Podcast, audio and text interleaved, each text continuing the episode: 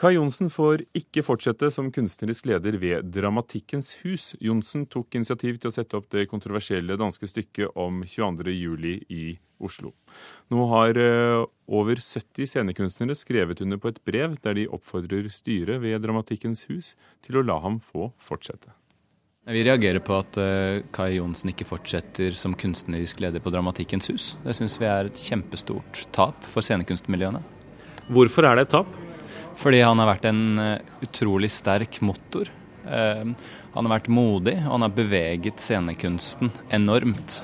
På en måte som ikke skjer noe annet sted, slik jeg forstår det, uh, i Norge. Demian Vitanza er en av over 70 forfattere, dramatikere og scenekunstnere som skal ha skrevet under på et protestbrev til Dramatikkens hus i Oslo. Kunstnerne reagerer sterkt på at kunstnerisk leder ved huset, Kai Johnsen, ikke får forlenget åremålet sitt til høsten. Selv om det er styret som ikke forlenger åremålet hans, påpeker Johnsen at store interne samarbeidsproblemer uansett ville gjort det umulig for ham å fortsette som kunstnerisk leder.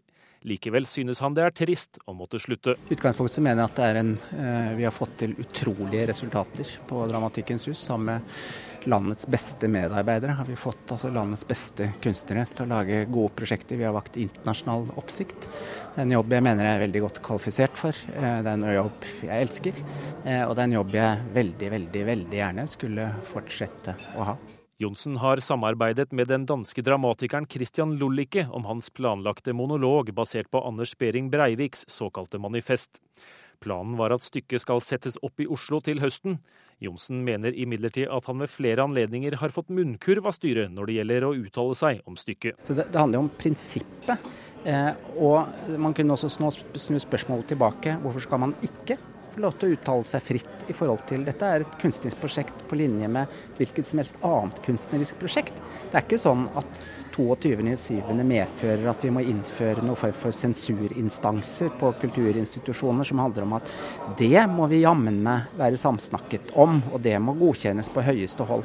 Det er nettopp det motsatte av hva jeg står for. Altså Det har vært snakket om at kunstnerisk leder har fått innskrenket sin frihet. Eh, det er vanskelig å kommentere, fordi styret har jo alltid oppfordret til at kunstnerisk leder skal ha frihet, og har ikke hatt på dagsordenen verken en begrensning av den eller en kommentar til den. Det sier styremedlem Gunnar Gjermundsson ved Dramatikkens hus, som beklager Johnsens avgang.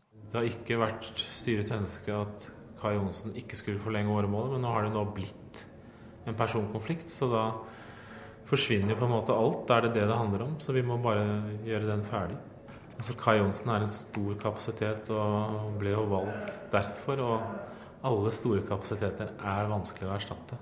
Forfatter Demian Vitanza håper styret nå tar de protesterende kunstnernes støtte til etterretning. Vi ønsker å invitere styret til å overveie dette nøye en gang til, slik at de ikke gjør det som ser ut til å bli en stor, stor feil sa Demian Vitanza til reporter Gjermund Jappé, og Eirin Sivertsen hadde også vært med og laget denne saken. Dramatikkens hus har eksistert i to år, og til våren starter de en evaluering av organisasjonen og inviterer brukere av huset og scenekunstmiljøet til å komme med sine synspunkter. Men vi inviterer allerede deg, Agnes Moxnes, vår kulturkommentator. Har de over 70 scenekunstnerne som har skrevet på dette oppropet for å beholde Kai Johnsen ved Dramatikkens hus, god grunn til å kjempe for ham?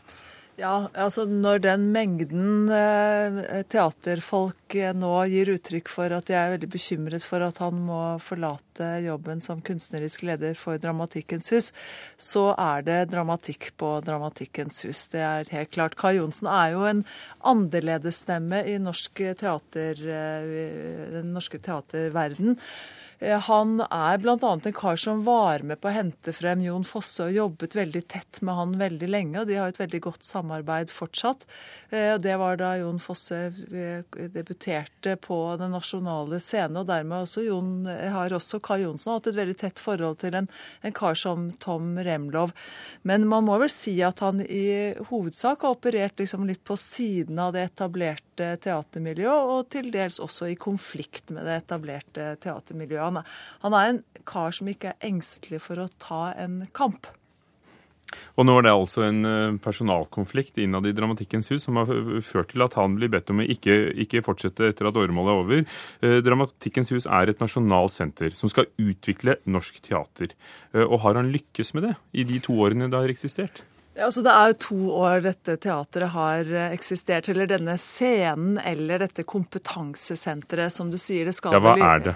Ja, hva er det? Det skal faktisk i hovedsak være et kompetansesenter.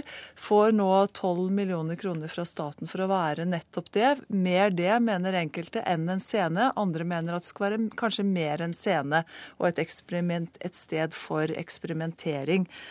Eh, men det ligger i kortene at dette stedet trenger evaluering, og det er flere som mener det at det er liksom på tide å ta en skikkelig evaluering nå etter eh, to år.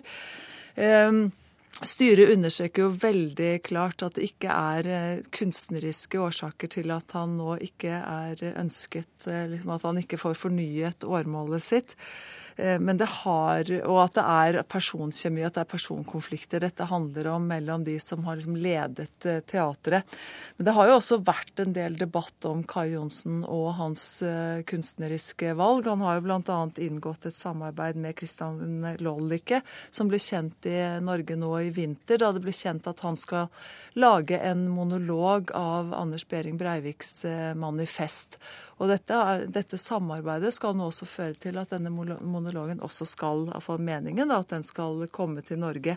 Og akkurat nå så samarbeider han med en dramatiker som heter Maria Tryti Vennerød, som nå, altså 16. april, setter seg og følger rettssaken mot Anders Behring Breivik og skal skrive en blogg fra det, som så skal iscenesettes, bl.a. ved hjelp av en kar som Tom Remlov. Men om det blir noe av det nå, alt dette her, det får jo tiden vise. For det er jo tydeligvis ganske sterke reaksjoner på Dramatikkens hus. Takk skal du ha, Agnes Moxnes, kulturkommentator.